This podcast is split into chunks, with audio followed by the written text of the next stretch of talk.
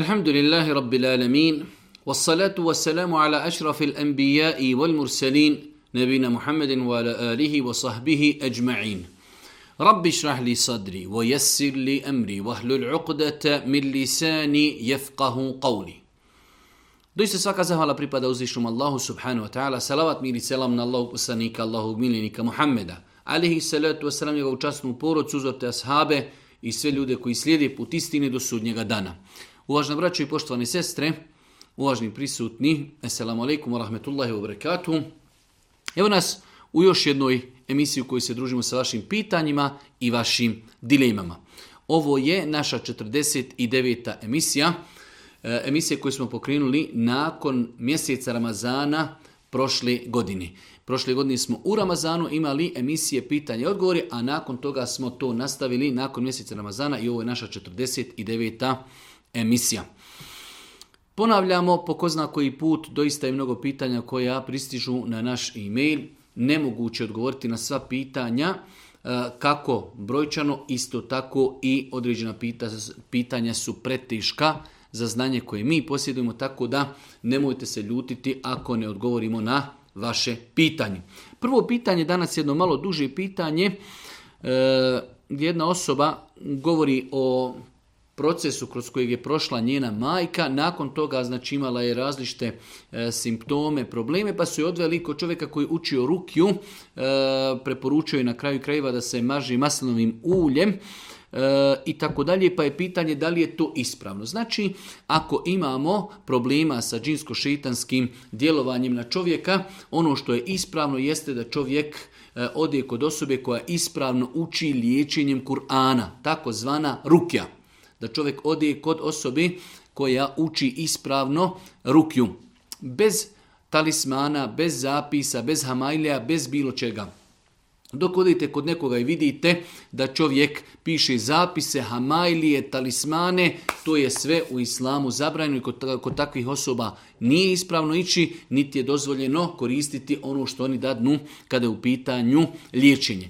Za razliku od osoba koje uči e, Kur'an i na taj način liječi, u svemu tome može se koristiti čurekut, može se koristiti med, može se koristiti zemze, može se koristiti maslinovo ulje. Sve su te stvari, ako Bog da, dozvoljene i dopuštene, odnosno sve su one preporučene sunetom Božih poslanika, ali ih se letu sram. Tako da, znači, razlika je otići kod čovjeka koji uči Kur'an i liječi Kur'anom, koji u sve to možda preporuči korištenje meda ili čorekuta ili e, maslinovo ulje ili zemzem vodu. Sve su te stvari, sve su te stvari dopuštene i dozvoljne za razliku od onih koji ljudima pišu zapise, talismane i nešto slično tome što je strogo zabranjeno. Pitanje broj 2. Radim težak fizički posao, posio sam nekoliko dana i kad radim, ali sad je li griz zapostiti, omrsiti se u toku dana jer mogu izdržati bez vodi zbog teških poslova. Kada su u pitanju ljudi koji rade teške poslove, njima je obaveza zapostiti. Njima je obaveza zapostiti ako se desi u toku dana da doista ne mogu više izdržati ili žeđ ili glad, oni će uzeti ili vode ili hrane onoliko koliko im je dovoljno da upotpuni taj dan posta. Nakon toga oni će i nakon Ramazana taj dan napostiti.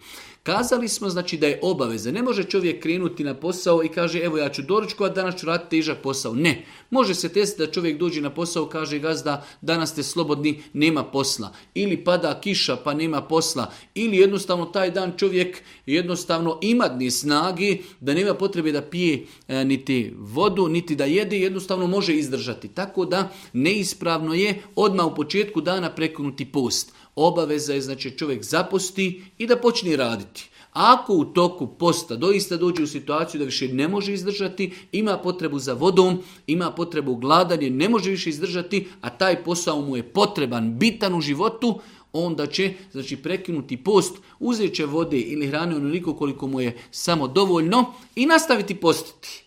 Nakon toga, ako Bog da, kada znači prođu e, dani topli, kada nastupi zima, kada budu kraći dani, onda će insan, ako Bog da, napostiti ti dane. Jedno malo duže pitanje u kojem je e, na kraju krajeva konstatacija da čovjek i žena imaju zajednički imetak na jednom žiro računu i taj, e, taj imetak je dostigao nisab i pregodinju. Da li na njega treba davati e, zekijat? Islamski učenjaci kažu da je u takvoj situaciji obaveza da supružnici pokušaju, pokušaju odrediti koliko ima čijeg imetka. Pa ako se desi, znači ako ništa maksimalno da daju sve od sebe e, ako se desi da pojedinačno neki imetak od muža ili od žene prelazi nisab i ako je pregodinio, tada se daje zekjat. Ako, ako nisu dostigli oni pojedinačno, nije im obaveza izdvajati zekjat. Znači, čovjek i žena koji imaju zajednički, zajednički račun, trebaju pokušati, čovjek zna godišnje, primjer radi ako žena radi, zna koliko godišnje e, novca štedi i ostavlja na, na žiro račun, čovjek zna da pokušaju, da pokušaju odrediti na žiru računu, evo da kažemo imaju 15.000 konvertibilnih maraka, Čovjek zna koliko on mjesečno daje na taj račun, žena zna koliko ona daje mjesečno taj račun, da pokušaju razdvojiti novac i da onda znaju ako su dostigli nisab, ako je e, imetak pregodinio, onda će izdvojiti na njega zekijat pojedinačno, a ako znači e, nije, pojedinačno svaki od njih dostigao nisam, nisu obavezni da izdvajaju zekijat. Znam da je kockanje haram, ali sam čuo iz pouzdanog izroda da je Muhammed održavao klađenje na kamile. Čuo sam i da je halal klađenje na konje i streljaštvo. Da li je, po vašem mišljenju, ovo dozvoljno? E, klađenje nije nikada dozvoljno. Klađenje je situacija kada čovjek ulaži u nešto gdje je rezultat nepoznat pa možda dobiješ, možda ne dobiješ. Nije to radio nikada Allah poslanik ali se letu sram imaju hadis da je Boži poslanik organizirao natjecanja ali natjecanja gdje svi, gdje svi se natječu, ko želi da natječe se, a nagrada bude od onoga ko organizira natjecanje. Tako da e, i u današnje vrijeme kada bi kazali da čovjek organizira, ne znam, nija turnir neki i ekipe se prijavljuju, dolaze, nemaju nikakvo učešće. Ali on kaže, ko pobjedi, ja mu dajem nagradu 500 konvertibilnih maraka, 1000 manje ili više. U tom slučaju je dozvoljeno učestvovati na tom turniru, ali ako bi kazali svako mora učestvovati po 50 km, pa možda dobiješ, poslije budeš prvi, možda ne dobiješ, na takvim turnirima je zabrajeno učestvovati. Tako i za vrijeme Božih poslanika, ali se leto sram Božih poslanik je organizirao natjecanje, znači kad su u pitanju e, natjecanje sa devama ili, e, ili kako se zove, e, E, trke konja. E, tako da, znači u islamu klađenje, bez obzira da li bile kamile, da li bili konji, streljaštvo, klađenje kao klađenje je zabranjeno.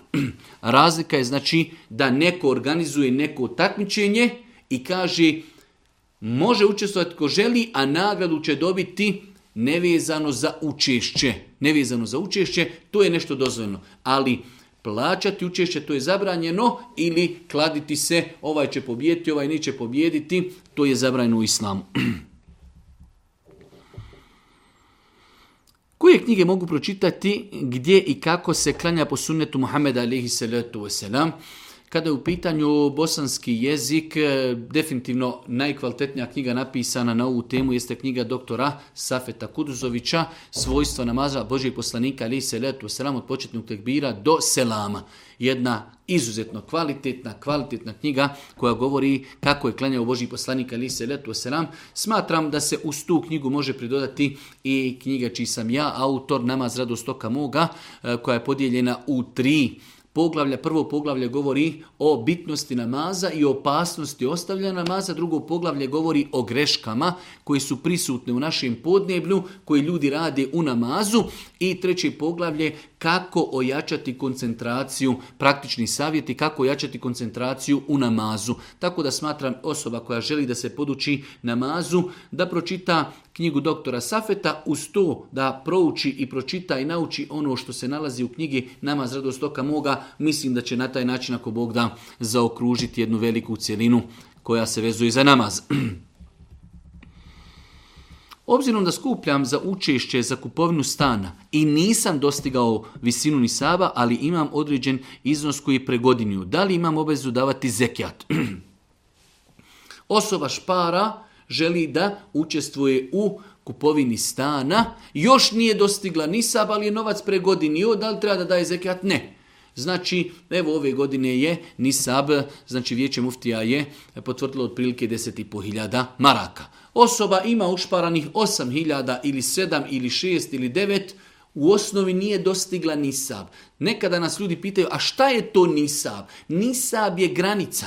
Nisab je granica koju ako čovjek dostigne, potpada i ulazi u, kategoriju zekijata, ali ima još drugi uvjet, dostigli smo nisab 10.500 hiljada i taj nisab je pregodinio tokom cijele godini. Ako nikada nije padao ispod te granice, nama je na kraju godine kada imetak pregodini, onda nam je obaveza da izdvojimo 2,5%. Tako da u ovom slučaju insan špara, nije dostigao nisab, ali mu je taj njegov imetak pregodinio, nije mu obaveza zekijat zato što nije dostigao nisab. Javljam se povodom mog hijjaba. Naime, udata sam i muž me podržava u mojoj namjeri da se pokrim. udala sam, a odrasla sam u poroci koja, koja je odana alkoholu. Sada mene zanima da li se ja mogu pokriti ako živimo sa njegovim roditeljima, sa ocem koji konstantno pije i tako dalje. E, da li se može pokriti snaha od svekra koji pije? Apsolutno da. Ona će odgovarati za sebe i za svoje postupke. E, da, jest to malo pod navim znacima što kažu ljudi sramota, ona pokrivena, klanja, njezin svekar pije i tako dalje, ali svako će za sebe odgovarati. Čak šta više, možda to njeno pokrivanje bude uz Allahu pomoć i razlogom da i on možda ostavi neke loše navike kod sebe. Tako da svi mi ćemo na sudnjem danu odgovarati za sebe. Žena odgovara da li je pokrivena, a njen svekar odgovara da li je pio alkohol ili nije, da li je klanjao ili nije. Tako da e, ne treba se e, osvrtati na taj ambijent u datom momentu. Možda će neko i kazati vidi nje pokrila se, a tamo u njenoj se kući konzumira alkohol. To je tuđa kuća, ja u toj kući nisam šef. Kada imate svoju kuću, ja u svojoj kući neću dozvoljavati da se konzumira alkohol. Ovo je sada tuđa kuća, čovjek konzumira alkohol, ja sa njim nemam ništa. Znači, ne treba da to bude razlog odgađanja početka nošenja mahrame. Znači, svako, svako će biti odgovoran za svoje postupke. Imamo nekada duža pitanja i na kraju ljudi postavi pitanje koje je u jednu ruku i nevezano sa situacijom, pa nam jedna sestra ispričala kako se njena, se, njena sestra razbolila, pa otišla u bolnicu, pa operisala i sve to priča da na kraju kaže ja sam na kraju tog dana povratila je li moj post, je li moj post validan. Tako da nema potrebe da nam ispišete e, e, znači nekada e, jedan veliki e-mail da bi na kraju pitanje bilo da li je pokvaren post osobi koja, pokva, koja je povratila. Postoji veliko pravilo koje ispostavili islamski učinjaci na osnovu hadisa Božih poslanika, onaj koga nadvlada povraćanje njegov post je validan. Za razliku od osobe koja ona inicira povraćanje, da li gledanjem u nešto loše, da li mirisanjem nečega lošeg ili stavljanjem prsta u usta ili stezanjem stomaka i tako dalje, na bilo koji način ako čovjek uzrokuje povraćanje, njegov post je pokvaren. Za razliku situacije kada čovjek vozi se u autu i jednostavno malo mu se smuči povrati. Nije on to uzrokovo. Ili čovjek jednostavno odgladi ili je možda malo bolestan, desi se povrati, ali nije on to uzrokovo. Tako da, znači, povraćanje u toku posta ne kvari post ako ga mi nismo inicirali ili uzrokovali. Ako smo ga mi inicirali, onda je post pokvaren. E, drugo pitanje e, od ove iste naše sestri, smijem li da izostavim post na dan kada će moja sestra imati operaciju jer će vjerojatno morati popiti nešto za smirenje. Ne može se pokvariti post iz ovog razloga. Čovjek treba, ako već zna da će u toku dana nešto biti neugodno, popiti za smirenje nešto na sehuru zapostiti, možda će Allah dat da ne dođe do te operacije. Možda će biti operacija, ali će to insan podijetni, momački, neće se uopšte nešto plaho zasekirati. Tako da nema potrebe da u ovakvim situacijama pokvarimo post unaprijed.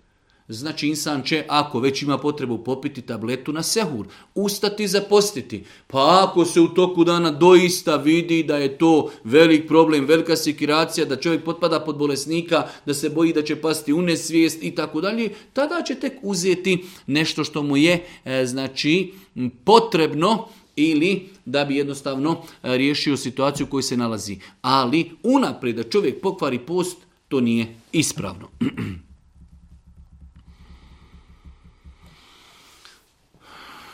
Naime, u snu i dok sam spavao sam odjednom probudila me je ejakulacija. Odmah sam ustao, počeo, počela me panika hvatati i tako dalje, da li mi je post validan ili ne.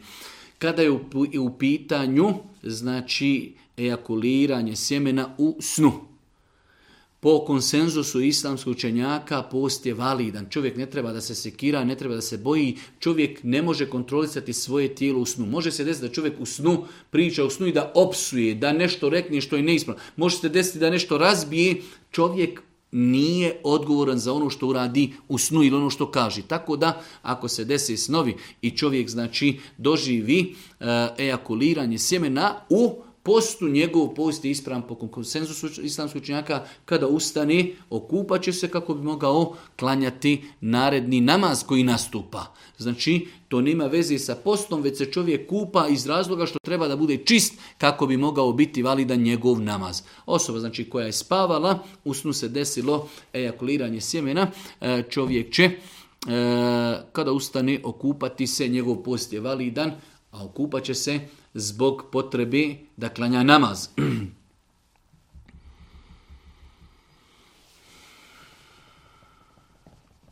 Jedna sestra opet isto jedno duže pitanje.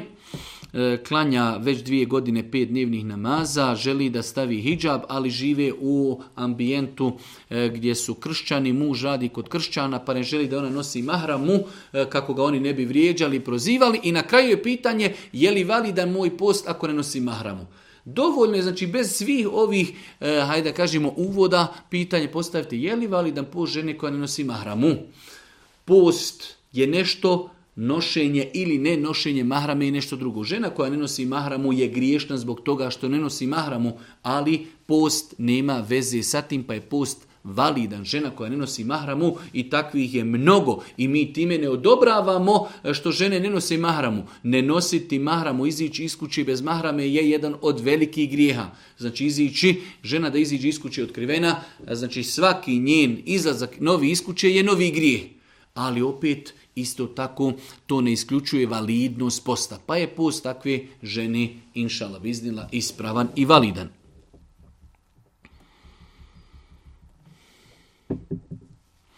Jedan isto tako malo duži e-mail, opet se može postaviti pitanje mnogo kraće, ali eto, mi volimo ispisati i napisati historiju.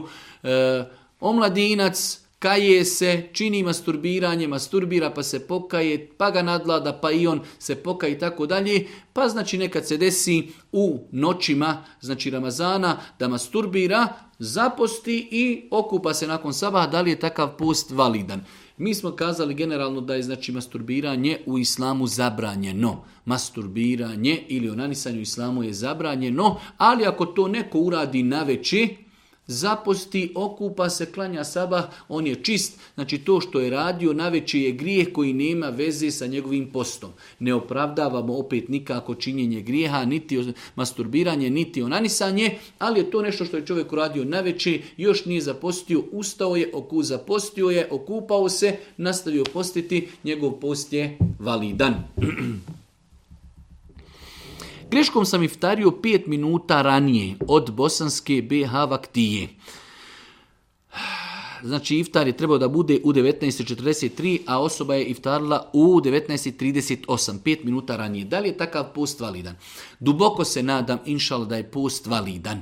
Ne treba se poigravati sa ovim stvarima, ali e, baš kako stoji tamo i u takvimu, kada su u pitanju određivanje namaskih vremena, e, zato što je e, reljef Bosni, znači poprilično nezgodan, imamo nekada, uzmite primjera radi, Vlašić i Travnik. E, imamo gore čovjeke na brdu, a čovjek je dole u travniku, sve tu ista općina i moramo staviti na vaktiji, ovo je ezan za travnik, a kolika je razlika između osobe koja je gore na planini, na vlašću i vidi zalazak sunca i osobe koja je dole u travniku, ali moramo im odrediti, e, ajde da kažemo, jedno namasko vrijeme kada da se iftari vaktija, tako da, e, inšala biznila, pet minuta ako se čovjek iftari greškom, nadamo se duboko da je njegov post validan. 5 znači, minuta, sigurno postoji te neke tolerancije. Ne treba se sa tim poigravati, svakako minut ili dva prije zana i vtarice sigurno nije sporno, 5 minuta je neka granica maksimalna granica, tako da čovjek ne treba zatim da se poigrava, ali ako se desi u ovakvim slučajevima da čovjek to uradi greškom, nadamo se da je njegov post ispravan i da nema potrebe ako Bog da, da e, napašta taj dan. 13. pitanje, imam ženu i djecu, trenutno sam u Bosni kod roditelja u njihovoj kući, sa njima živimo kad smo u Bosni. Otac je dao prije par dana vitre jednoj familiji u ime sviju nas ukućana. Da li je to ispravno? Allah najbolje zna, nema smetnje da roditelj izdvoji za svoju, svoga sina i njegovu e, suprugu i djecu, sadekatul fitr, u saglasnost sina. Ali je problem izdvajati toliko rano sadekatul fitr. Tako da, moj savjet je e, da ovaj brat koji postavio pitanje ponovo izdvoji sadekatul fitr, znači dan ili dva maksimalno prije, dan ili dva maksimalno prije Bajrama. Znači, ne kažemo da je ovo neispravno, ali bolje je izbjegavati rano davanje sadekatul fitra, ono što je zabilježeno od ashaba radijallahu ta'ala kao što je došlo od Ibnu Omara radijallahu ta'ala da su oni dan ili dva maksimalno ranije davali sadekatul fitr. Osnova je da se sadekatul fitr daje na veći noć u oči Bajrama ili eventualno e, prije Bajrama, znači e, da čovjek da sadekatul fitr prije Bajrama. E, mora se izdvojiti sadakatul fitr do bajram namaza. Tako da maksimalno se može ranije izdvajati dan ili dva. Izdvojiti sadakatul fitr na početku Ramazana ne kažemo da nije ispravno, ali je to maksimalno što možemo kazati, odnosno minimalno bolje je to izbjegavati. U ovom slučaju, pošto nisu to e, neka velika sredstva i veliki prehrambeni artikli, ja bih svakako savjetuo da se sadakatul fitr ponovi. Pitanje zanima me da li je grijeh ako kažemo da je nešto Božja kazna, a nismo sigurni. Mnogi pišu da je, da je zemljotres upravo Božja kazna i tako dalje. E, ne treba čovjek da ulazi u to, znači određene stvari kada se dešavaju, je li to kazna ili je to upozorenje od uzvišnog Allah subhanahu ta'ala. Ono što mi trebamo jeste da se preispitamo kada se dešavaju određene stvari poput zemljotresa ili nekih drugih nepogoda, da insan preispita sebe i svoje postupke, da li smo možda mi e, čineći određene grijehe bili razlogom e, znači tih upozorenja, to mi treba da uradimo, a sada se, e, da kažemo, petljati tamo gdje nemamo kompetenciju, da li je to Božja kazna ili je to iskušenje, znači insan u takvim situacijama treba da sebe preispita i svoj odnos prema gospodaru, a da li je to kazna ili iskušenje, to je nešto što nije u našim ingerencijama. 15. pitanje, selam alaikum, brate, kod nas u Austriji imami tvrdi da se zekijat može ispravno dati samo u Bejtul Mal, pa me zanima da li mogu lično pare predati sirotinji u ruke. E, ispravno je, braću, moje dragi i sestre, da e, i metak kada je u pitanju skriveni metak što obuhvata zlato, srebro i novac. Isto tako obuhvata e, trgovinsku robu da čovjek prema jednoglasnom stavu islamskih učenjaka ima pravo da on svoj zekja da e, znači nekome od kategorija koje je Kur'an Kur definisao. Tako da E, čovjek prema jednoglasnom stavu islamskih učenjaka, kada kažemo jednoglasan stav islamskih učenjaka, to je onda nešto mnogo krupno i zauzeti stav suprotno od e, konsenzusa islamskih učenjaka je izuzetno opasno. Tako da nema smetnji kada su u pitanju imeci koji su skriveni. U islamu imamo javni imetak, a to su poljoprivredni proizvodi ili imamo stoku. Čovjek ima stoku, takav zekijat se daje e, znači, u islamskoj državi u Bejtul Mal. Ali kada je u pitanju znači čovjekov privatni metak koji je skriven zlato, srebro u današnje vrijeme, novac ili e, trgovačka roba, u takvim slučajevima čovjek ima prema konsenzusu islamskog učenjaka pravo da svoj zekijat izdvoji lično, odnese ga sirotinji ili nekoj drugoj kategoriji koju je jasno definisao Kur'an. Sljedeće pitanje, mogu li podijeliti ja zekijat na više dijelova pošto se radi o većoj sumi novca? Može. Primjer radi ako bi rekli da čovjek ima e, svog zekijata da izdvoji hiljadu konvertibilnih maraka ili hiljadu eura, manje ili više, da li to mora dati sve jednoj osobi sirotinji ili može uzeti po 100 maraka dati na 10 adresa ili po 200 maraka na 5 adresa? Može. Znači nema nikakve smetnje da osoba koja ima e, određenu svotu novca ne mora to sve dati na jednu adresu može to e, raspodijeliti, možda ima nekad čak slučajevi gdje čovjek jednostavno zna više takvih porodica, pa jednostavno ako bi dao jednima, e, drugi očekuju ili su i oni potrebni, onda jednostavno to raspodijeli po 100, 200 maraka, 300 ili 500, jednostavno raspodijeli to na više adresa, nema nikakve smetnje kada je u pitanju islam, da čovjek svoj e, dio koji treba da izdvoji zekad, da ga dadne na više adresa. Jedno duže pitanje, opet, eh, znači već smo jednom odgovarali kada su nas ljudi pitali eh, u namazu, ako nešto insan ne stigne proučiti, a imam već ide dalje u namazu, eh, da li ćemo slijediti imama? Da. Dobro, to smo rekli za teraviju. Da li se to odnosi i na farz namaz? Da. Innema džujlel imamu li teme bih. Imam je postavljen da se slijedi. Pa prije radi ako mi klanjamo e, podni namaz i e, na podni namaz na prvom rekiatu proučili smo fatihu dopola. Ijake nabudu, ijake nesta'in. Imam kaže Allahu ekber. Hoćemo li mi slijediti imama ili ćemo ostati učiti fatihu? Ne, idemo, slijedimo imama. Isto tako, znači, e, u drugim situacijama slijedimo, slijedimo imama. E, osim u situaciji ako čovjek, znači, uči etehijatu, pa nije još završio salavate, hođa predaje selam, onda čovjek nema smetnji da završi te salavate, nakon toga da preda selam. Ali generalno, znači, pravilo treba slijediti imama, pa makar mi i ne stigli proučiti ono što nam je trebalo da se prouči, evo naveli smo primjer Fatihi, ako smo došli do pola Fatihi, a imam nam kaže Allahu Ekber, mi ćemo znači iti slijediti imama, nećemo čekati da završimo Fatihu.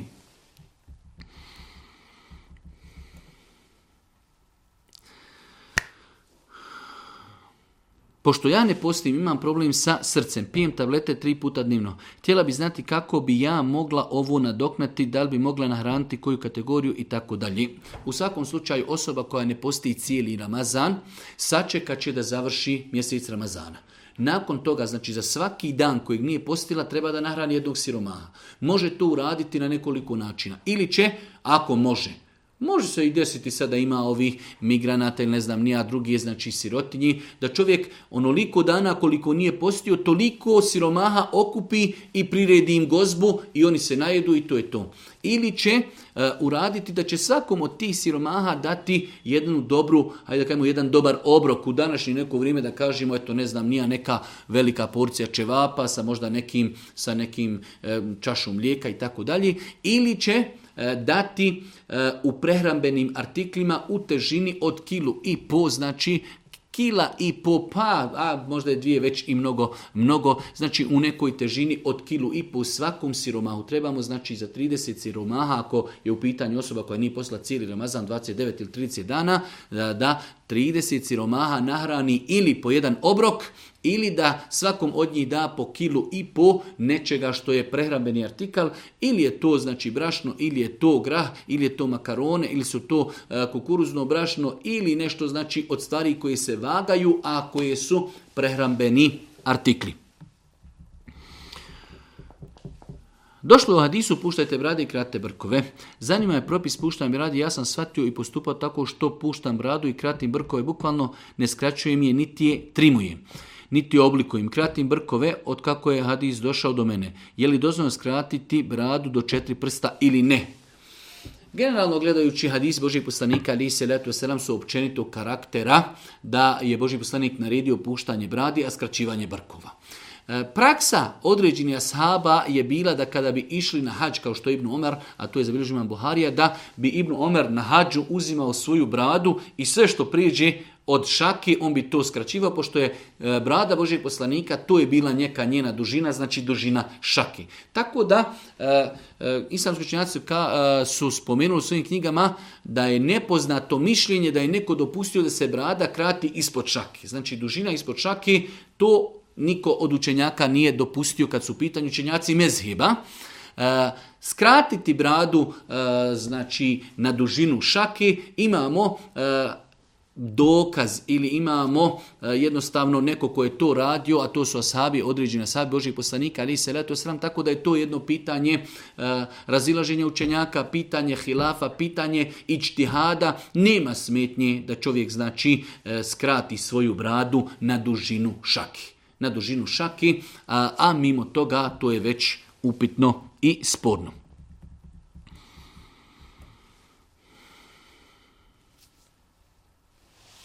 Zanima me mogu li klanjati nama sa majkom, da li je to ispravno? O, sin pita da li on može klanjati sa svojom majkom u džematu. Da, može, svakako da je, znamo pravilo da žena ne može nikada biti ima muškarcu. Tako da u ovom slučaju e, sin će biti imam svojoj majci, njih dvoje mogu zajedno klanjati, ona će stati iza njega, on staje ispred nje kao imam i mogu njih dvoje klanjati u džematu. Imamo dosta slučajeva gdje sin odrasta sa svojom majkom, e, E, sami su, imaju želju da klanjaju u džematu, nema nikakve smetnje da, znači sin predvodi svoju majku i da njih dvoje zajedno klanjaju džemati, nagra, nadamo se ako Bog da, da će imati nagradu namaza obavljenog u džematu, majka će stati iza, sin će stati naprijed, on će biti imam, ona slijedi imama i to je to. Da li je ispravno podizanje ruku više puta u namazu osim početnog tekbira? I drugo pitanje, da li je ispravno zikriti nakon farza ili nakon što klanjamo i sunnete?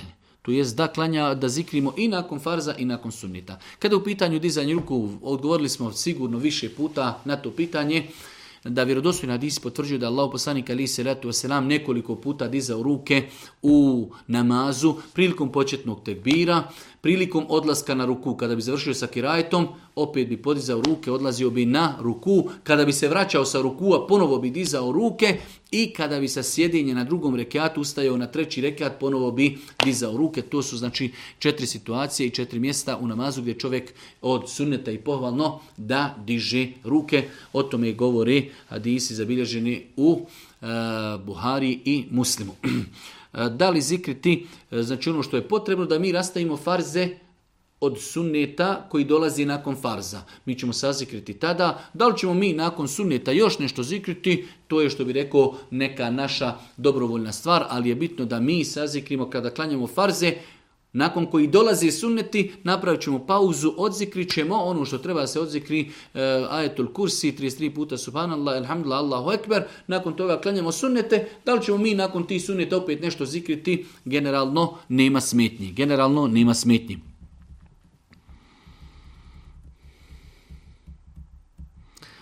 Jedna naša sestra kaže eh, da je imala spontani i deset dana nakon toga imala krvarenje e, u kojima ona nije ni postila i nije, nije klanjala. Znači imala je spontani, deset dana je trajalo krvarenje, e, smatrajući da je to krvni fasa, ona nije klanjala. Pa smo je postavili pod pitanje, pa smo dobili odgovor da se to radilo e, u periodu šesta nedjelja trudnoći. Šesta nedjelja trudnoći e, u ovakvim slučajevima ova krv se smatra, ova krv se smatra krv istihazi. Znači žene koje imaju spontani u početku trudnoće, znači prvi mjesec, drugi mjesec, takve žene ako imaju znači krvarenje od spontanog, e, one su u stanju ili ta krv se zove istihaza one su s aspekta islama čiste. Treba znači da mogu da klanjaju, treba da klanjaju namaz, a ako je u pitanju Ramazan, ako su zdrave, mogu i da posti. Znači krv koja se vidi nakon spontanog, ako je spontani bio u ranim u ranim počecima trudnoći. Za razliku ako se to desi nakon 120 dana trudnoći, kada već fetus dobije svoje e, znači konture i oblik ljudskog tijela, kazali su islamski učenjaci, nakon 120 dana ako žena ima spontani, tada ta krv se smatra nifasom, a dijete koje ona znači e, pobaci, treba da se okupa, treba da se gasuli, zamota u čefine, da mu se klanja dženaza. Ali ako se desi spontani na početku trudnoći, ta krv je e, krv istihazi. Šta znači istihaza? Kontinuirano krvarenje gdje će žena kada nastupi namasko vrijeme očistit će se, očistit će krv, nakon toga zaštitit će se e, higijenskim uloškom, uzeće će abdest i klanjat će klanjat će namaz, ako je u pitanju Ramazan, ako može postiti iz zdravstvenih razloga, postiće, to e, isticanje krvi ne smeta, ako je bolesna, znači onda će to napostiti nakon, nakon Ramazana. E sad u ovom slučaju ova naša sestra e, tu krv nije znala da je to istihaza, mislila da je to nifas, nakon šest mjeseci, znači trudnoće imala je spontani i nije klanjala namaz i nije, nije postila.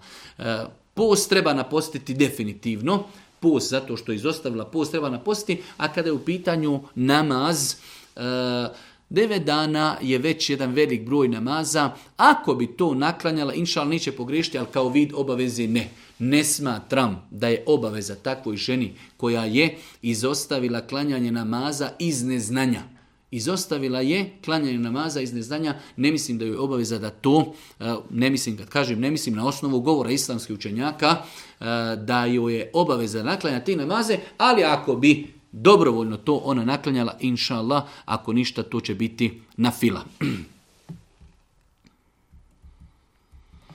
Naime, muž i ja imamo 30.000 e, maraca e, novca ušteđenih kod sebe, a koje čuvamo radi kupovnih stana. Živimo pod kirijom. Da li smo dužni dati zekijat na taj novac? Da. Ako imamo mi ušteđevinu kod sebe, e, dostigla je nisab, 10.500 konvertibilnih maraka i pregodinila. Mi treba da na to izdvajamo zekijat. E, svakako e, ako potrošimo te taj novac, dadnimo prvu ratu za stan, mi nismo dužni. Ali ako kod nas pregodini taj novac, definitivno treba na njega dati zekat. U ovom slučaju 30.000 maraka, na to treba dati 750 konvertibilnih maraka. Insan treba da vjeruje i da bude čvrsto ubijeđen da će mu to uzvišenje Allah s.w.t. nadomjestiti, da će mu dati beričet i blagoslov u onom imetku koji je ostao zato što je on očistio svoj imetak izdvajanjem zekata tako da čovjek ne treba da mu je teš teško i da mu je žao, treba da bude zahvalan Allahu što ima tu šteđevinu e, koja potpada pod pojam zekijata i da čovjek čiste i drage volje čistog srca izdvoji to na Allahom subhanahu putu. Pitanje broj 24. Možemo li jedan namaz klanjati dva puta? Na primjer, ako sam obavio namaz samostalno, kasnije se ukaže prilika klenjati u džematu. Može se desiti da čovjek klanja kod kuće, nastupilo namasko vrijeme, klanja i onda dođe u džamiju i zatekne ljude da hoće klanjati u džematu. Da li će ponoviti sa njima namaz? Može. Može ponoviti sa njima namaz, ali će to biti njemu na fila njemu će to biti na fila, a onaj namaz koji je klanjao kod kuće, to je već farz. On je farz već obavio. Znači situacija, to se može lako dešavati kod Arapa, kod nas malo teži, pošto oni ostavljaju vremena dosta, nekada i po pola sata, između ezana i kameta. Pa se može desiti da prouči ezan i čovjek klanja farze kod kući. Nakon toga krene, dođe u džamiju, zatekne ljudi, još nisu klanjali farze, farza kojeg je on klanjao, on će klanjati tu sa džematom, ali mu je to na fila dobrovoljni namaz, a on je već farze obavio. ja i moj suprug imamo dijete koje je rođeno bolesno, Handicap skoro 100%. I o njemu se brinimo već skoro 15 godina. Naš život nije lak i pun je stresa i nervozi. Zanima vas vaše mišljenje, da li nam je ovo iskušenje ili kazna? E, I da li ćemo, da li će naše dijete na sudnjem danu se zalaga za svoje roditelje? E, insan treba Eh, da se pomiri sa kaderom, da se strpi na kaderu i na sudbini i da to doživljava kao priliku. Odgoj takvog djeteta, prvo što se čovjek u većini slučajeva za takvo dijete mnogo više vezuje nego za dijete koje je zdravo. To je s jedne strane. S druge strane, ne treba čovjek to nikako da doživljava negativno. Možda zbog tog djeteta i hizmeta prema tom djetetu čovjek zaradi džennet kod Allaha subhanahu što će biti milostiv i plemenit i strpljiv.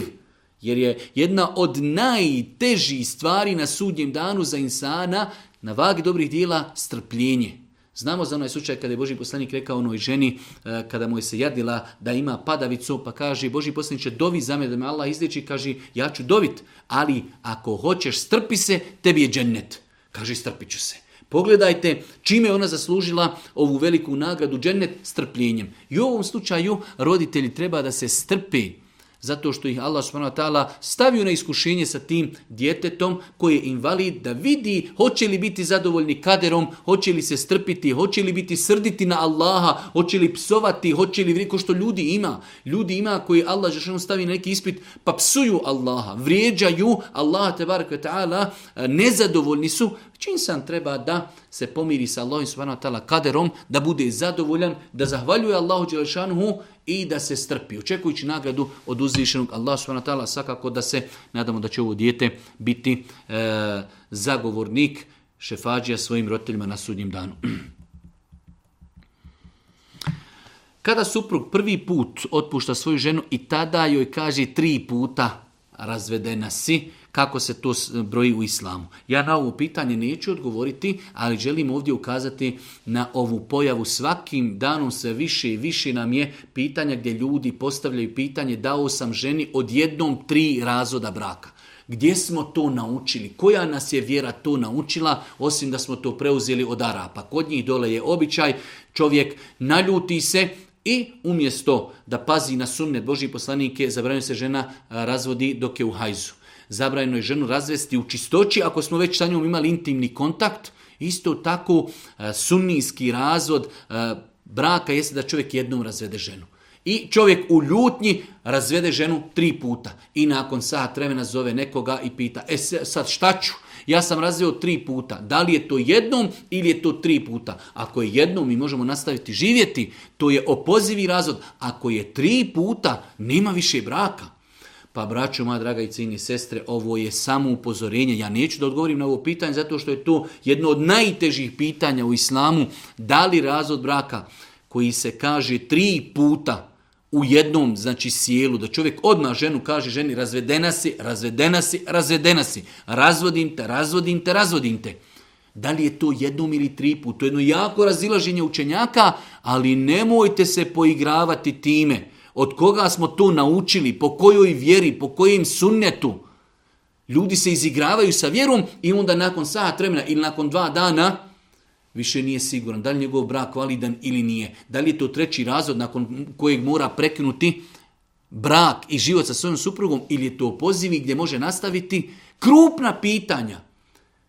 Ako je čovjek se već i naljutio i želi da razvede ženu, da je kazni ili već šta hoće da uradi, neka to uradi jednom već ovako kršimo sunnet i umaramo muftije, umaramo efendije, umaramo daje svojim, svojim nepromišljenim postupcima. Pa se nemojte igrati. Bez obzira, islam je potpun i savršen. I kada se ljudi razvode nakon braka, islam je propisao kako će to uraditi. Pa je propisao islam da je zabranjeno ženu razvesti u mjesečnici. I zabranjeno je razvesti ako je čovjek, žena se okupala i sa njom samo jednom imao intimni kontakt, ne može razvesti sve dok ne dobije hajz, okupa se, očisti se, tek tamo kada ponovo postane čista, u čistoću koju sa njom nije nikako spavao, tek je može razvesti i to samo jednim razvodom. Pogledajte kako je islam savršen i potpun, pa se nemojte igrati sa ovim stvarima. Nemojte se igrati sa ovim stvarima. Moj muž ostavlja novac za moju rodicu mjesečno u vidu stipendije. Ona to ne zna ali zna njen otac. Planiramo ju dati, inšala, za neku godinu i tako dalje. Da li se mora na taj novac davati zekijat? Da. Na taj novac treba dati zekijat ako je novac dostigao nisab i ako već godinu dana je iznad nisaba.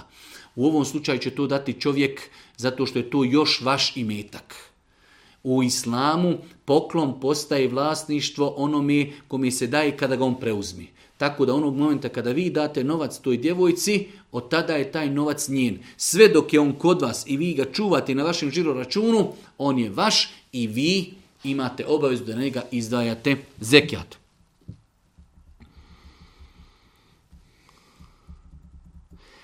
Da li se zekijat može dati osobama što skupljaju pare za liječenje?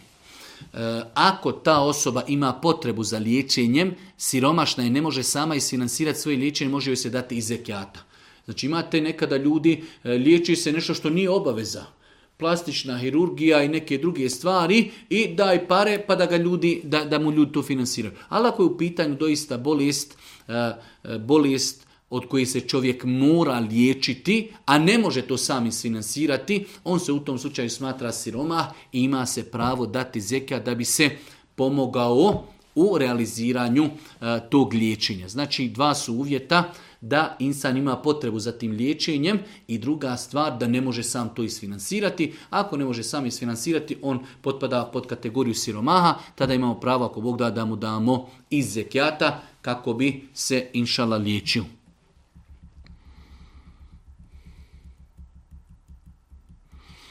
E, problem ljudi na zapadu koji žele da izdvoje sadakatul fitr po sunetu Božeg poslanika ali se letu pa se postavlja pitanje može li se to realizirati preko određenih humanitarnih udruženja. Ovdje čak navedena su neka imena, ne želimo nikada kroz svoja pitanja odgovore da spominjemo e, imena o organizacija humanitarnih, da li se preko njih može to završiti. Ako te humanitarne organizacije će preuzeti emanet na sebe, da će kupiti, vi im platite novac, ali će oni kupiti e, znači prehrambene artikle i dan ili dva prije Bajrama dostaviti sirotinji. Ako će sve tako to uraditi, onda se može to, pogotovo ljudi koji su na zapadu, mogu to realizirati preko njih. Znači na način da su povjernivi, da imaju šerijatsko znanje, da će od našeg novca kojeg uplatimo za broj naših članova porodci, upotpuniti za svakog člana i pol do tri kile prehrambenih artikala, ako će to dostaviti sirotinji i ako će to, ako će to uraditi u zadnja dva dana prije Bajrama, ako se svi ovi uvjeti ispuni, ako imamo takva humanitarna udruženja, onda nema smetnje, pogotovo ljudi na zapadu koji jednostavno nemaju priliku, ne znaju nikoga kome će dati, gdje će dati, onda nema smetnje da se to uradi preko humanitarnih udruženja, ali samo pod ovim uvjetima. Jer nekada se da jednostavno e, humanitarnim udruženjima, pa oni taj novac poslije prosljeđuju na različite adrese, e, kupuju od njega namještaj, završavaju mnoge druge neke stvari. Ne, znači treba da se kupi e, prehrambeni artikli, treba da se dadnu samo sirotinji i isto tako treba da se izdvoji dva dana, maksimalno dva dana prije Bajrama. Ako se ispune ovi uvjeti, ako postoji humanitarna organizacija koja radi na takvim principima, ako Bog da dozvone dati svoj sadakatul fitr u novcu njima, da oni to uradi na takav način.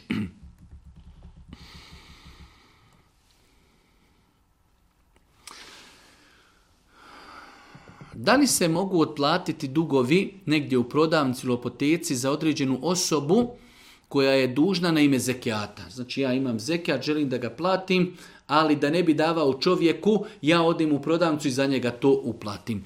Nije ispravno na takav način. Ili trebamo, znači iz, da ne navravljamo, pošto nemamo mnogo vremena, ne možemo mi dati u njegovo ime Mogli bi mi dunjalučki da damo onako e, da za njega govorimo o zekijatu.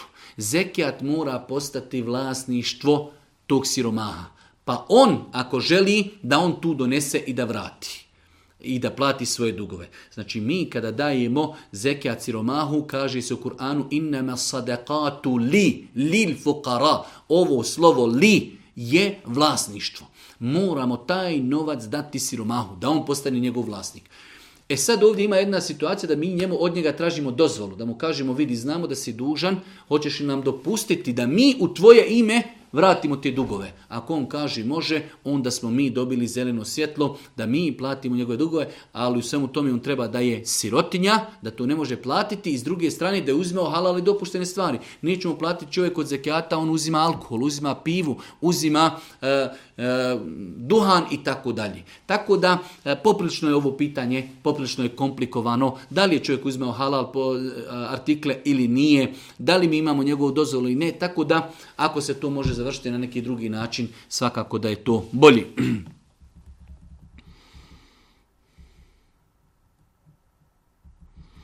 Pitanje kada imam na hutbi naziva selam, i da li je propisano da imam, nakon što počne sa hudbom, nazove ljudima selam. Imam treba nazvati selam ljudima kada se popni na mimberu. Ako će im već nazivati selam, onda imam kada se popni na mimberu, kaže ljudima eselamu alaikum, rahmetullahi wabarakatuh i sjedni. Nakon toga mu ezin uči ezan i on počinje sa hudbom. Greška je da imam, znači, e, Muezin je pručio ezan, počinje hudba i na, na početku hudbe eselamu alaikum rahmetullah, onda ljudi ne znaju jer je u toku hudbe zabranjeno pričati. Da li odgovoriti na taj selam ili ne? Zato je rješenje da čovjek, i to je od sunneta Božih poslanika, kada čovjek dođe, imam kada dođe Efendija na mimberu, da tada ljudima kaže eselamu alaikum rahmetullah i vrkatu i sjedni sluša ezan, kada se ezan završi počinje sa, sa hudbom u kojoj više neće nazivati selam ljudima pitanje prije nego što sam primila islam, rodila sam sina kojim sam dava, dala ime Ivan. A i sama sestra se zove Ivana, pa da li je obaveza njima promijeniti ime? Nije obaveza. Nije obaveza, nema ništa loše. Znači, e, imena koja se moraju mijenjati jesu imena koja imaju loša, loša značenje, loše značenje. Generalno e, u našem jeziku imena skoro da nemaju nikakvo značenje, tako da nema nikakve smetnje e, ako osoba želi da ostane pod tim imenom, da ostane pod tim imenom. ako želi da promijeni, to je nešto dobrovoljno, ali kao vid obaveze da ostane dijete pod imenom Ivan ili da majka ostane pod imenom Ivana, nema u tome, inšala, s aspekta islama ništa sporno. Imam jedno pitanje, da li je vid učenje mrtvima novotarija? Uvijek me zovu da idem, ali nekako i tako dalje. Da, učenje tehvida ili tevhida za mrtve je novotarija. Nije to radio Boži poslanik, ali se letu sramnicu to radile prve generacije, tako da je to neispravno. Jedno duže pitanje, E, osoba koja putuje ovdje je navedeno preko iz kontinenta na kontinent pa sljedeći na aerodrom e, nema gdje da klanja primjer radi e, akšam jaciju, da li kada dođe kući na odredište može da odgodi spajanje namaza do kuće može.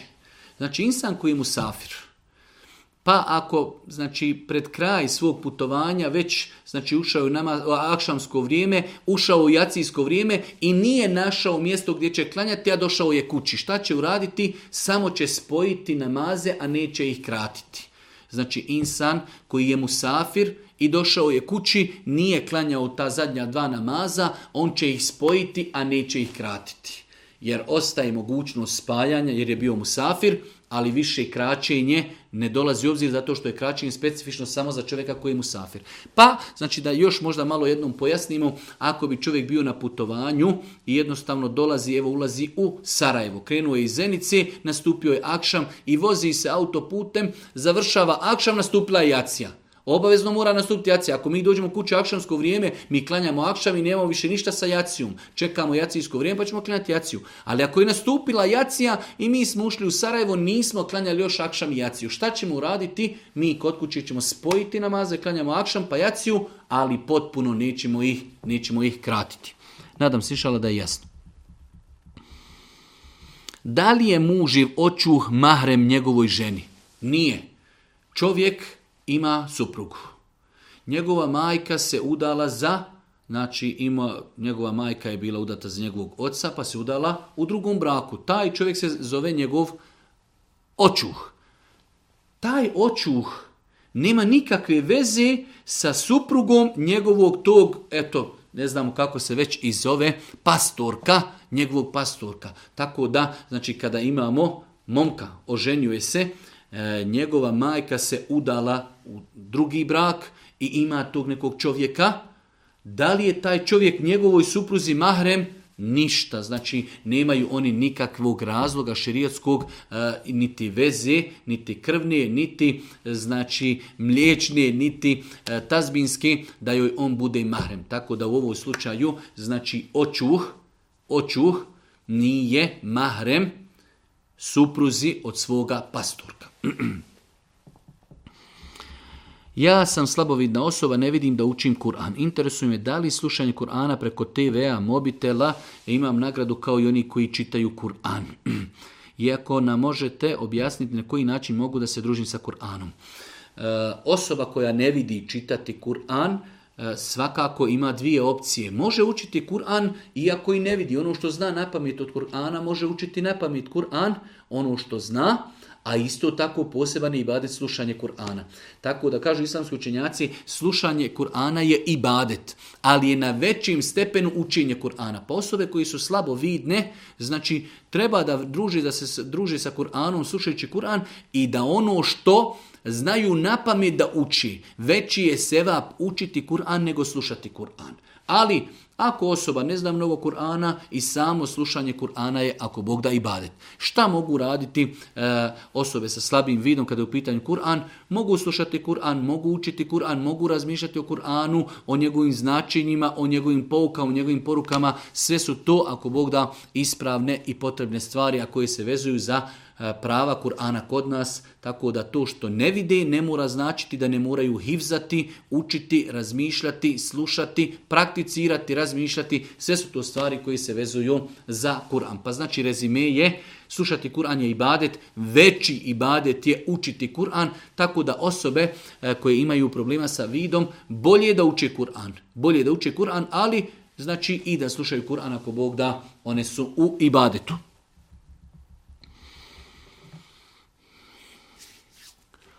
Da li žena tokom mjesečnice može dobiti u zadnjoj trećini noći, a ako može šta smije učiti? E, žena u toku mjesečnice ne smije klanjati, ne smije klanjati namaz, mimo toga može zikriti, može doviti, može čak učiti Kur'an bez doticanja mushafa. Tako da nema smetnje žena koja je u mjesečnici, da u zadnjoj trećini noći, noći kako u Ramazanu, tako i iznad Ramazana, da ustani, e, znači da e, zikri, da veliča lađe lešanu, da dovi, da, da jednostavno te ibadete mimo namaza žena može, znači da praktikuje ono što je zabranjeno, jeste namaz, može učiti Kur'an bez doticanja mushafa, može, može zikriti sve vrste zikruva i može dobiti uzvišom Allahu subhanahu wa Imamo jedno pitanje koje je malo intimnog karaktera, ali moramo nekada i govoriti o tim pitanjima jednostavno e, zbog potrebi. E, zna se dešavati e, kada čovjek se oženi, da u braku imaju problema na način da u većini slučajeva muškarci doživljavaju orgazam prije žena. E, tako da u datom momentu jednostavno ženine potrebe za intimom nisu ispunjene.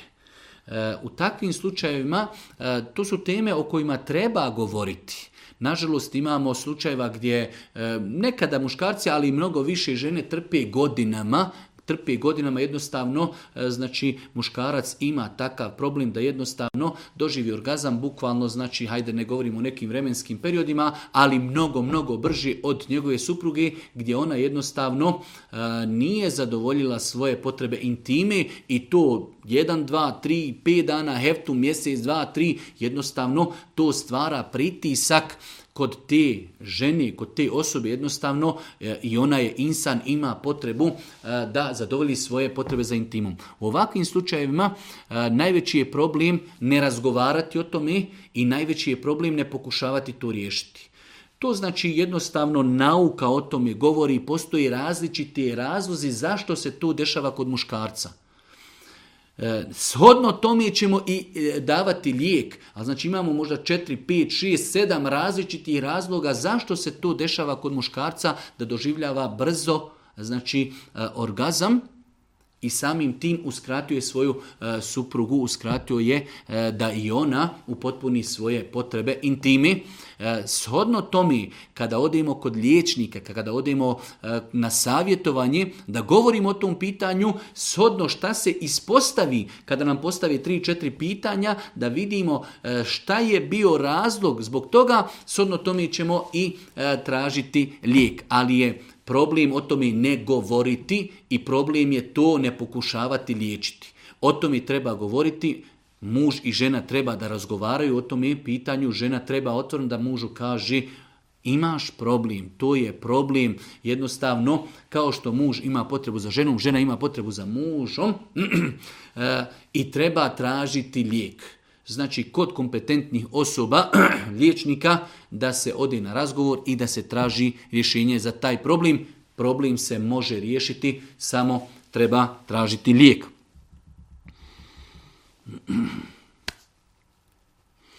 E, kada je u pitanju klanja kike, rezime pitanja je da li moramo mi dijetu u istom dan kada se kolje kika i obrijati kosu ili skratiti kosu ili akika odvojen i badet. Akika je odvojen i badet od toga. jez da se spominje uvijek da se kaže sedmi dan se zakolje akika, nadjene se ime i obrije se glava ali nije, to može čovjek nadrinuti ime treći dan, a sedmi dan zaklati akiku, a, a deseti dan obrijati e, dijetu, kosu i tako dalje. Tako da, ili da čovjek kaže zaklaću akiku, neću obrijati kosu nikako. Nema smetnje, znači to nisu dva ibadeta koja su vezana uzročno-posljedičnom vezom, pa ako koriješ akiku moraš obrijati kosu i obrnuto. Ne, Znači, insan može zaklati akiku, a i da ne obrije kosu djetetu, bilo muško ili žensko.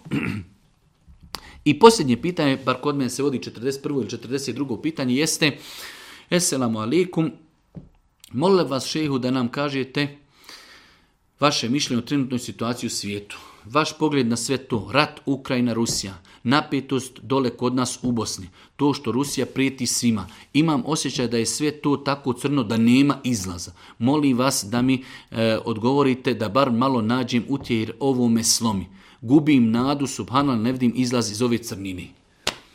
Doista jedan pesimističan pristup situaciji svjetskoj. Prva stvar nije tačno, nije crno, evo alhamdulillah, mi u Bosni živimo normalnim životom, jesu malo poskupile cijene, ali ljudi se udaju, ljudi se žene, ljudi idu, e, gledaju, gledaju ljudi utakmice, živi se skoro normalnim životom. To je s jedne strane znači pretjerano, pretjerano gledanje medija i praćenje šta mediji govori o tome. Najbolje rješenje u svemu tome je isključiti televiziju, internet i ništa ne pratiti. To je jedna stvar. Druga stvar i da prihvatimo i da prihvatimo činično stanje da je nešto teško. Ljudi su u Sarajevu bili tri godine u okruženju, totalno okruženje i ljudi su preživjeli nisu bili u ovakvom nekom crnjaku u kojem se nalazi ova naša sestra. Tako da i kada je teško, čovjek treba da se strpi, može uvijek biti gori, Allahov kader je, prihvatamo ga, živimo shodno vremenu i prostoru. Nama je najbitnije da znamo za našeg gospodara, vjerujemo u Allaha, pokoravamo se Allahu, oslanjamo se na Allaha, od njega tražimo pomoć, on je taj koji obskrbljuje ljude, i kada je poskupljenje, on daje risk kao što daje risk i kada je e, jeftino. On je taj koji ljude usmrćuje, on je taj koji, ima koji ljudima daje život do kada će živjeti bio rat ili ne bio rat. Tako da nema potrebe za ovakvom panikom. Najbolje rješenje je isključiti TV, ne pratiti, ne pratiti e, ovakav pristup, ovakav pristup je i tekako štetan za insana, znači situacija uopšte nije katastrofalna, mi evo konkretno u Bosni živimo pa skoro normalno, malo su cijene poskupile, ali još se živi normalno, a da ne govorimo o toj nekoj e, ratnoj situaciji da je nema nikakvog odjeka niti kakvih tragova u Bosni, nema potrebe se pravi tolika panika, vjerujemo u Allaha Đelšanu, njemu se pokoravamo, e, ako nas zadesi nešto e, što je po nama nije loše, e, što po nama je loše, strpimo se, očekujemo Allahu pomoć, na njega se oslanjamo i to je ono što mi možemo uraditi. Molim Allaha Žešanu da nas učesti na putu istini da nam bude milosti na sudnjem danu, da nam podari korisno znanje i na kraju subhaneke Allahumma da bihamdike, šedu in la ilaha illa stakfiruke, wa etubu ilaik. Ah.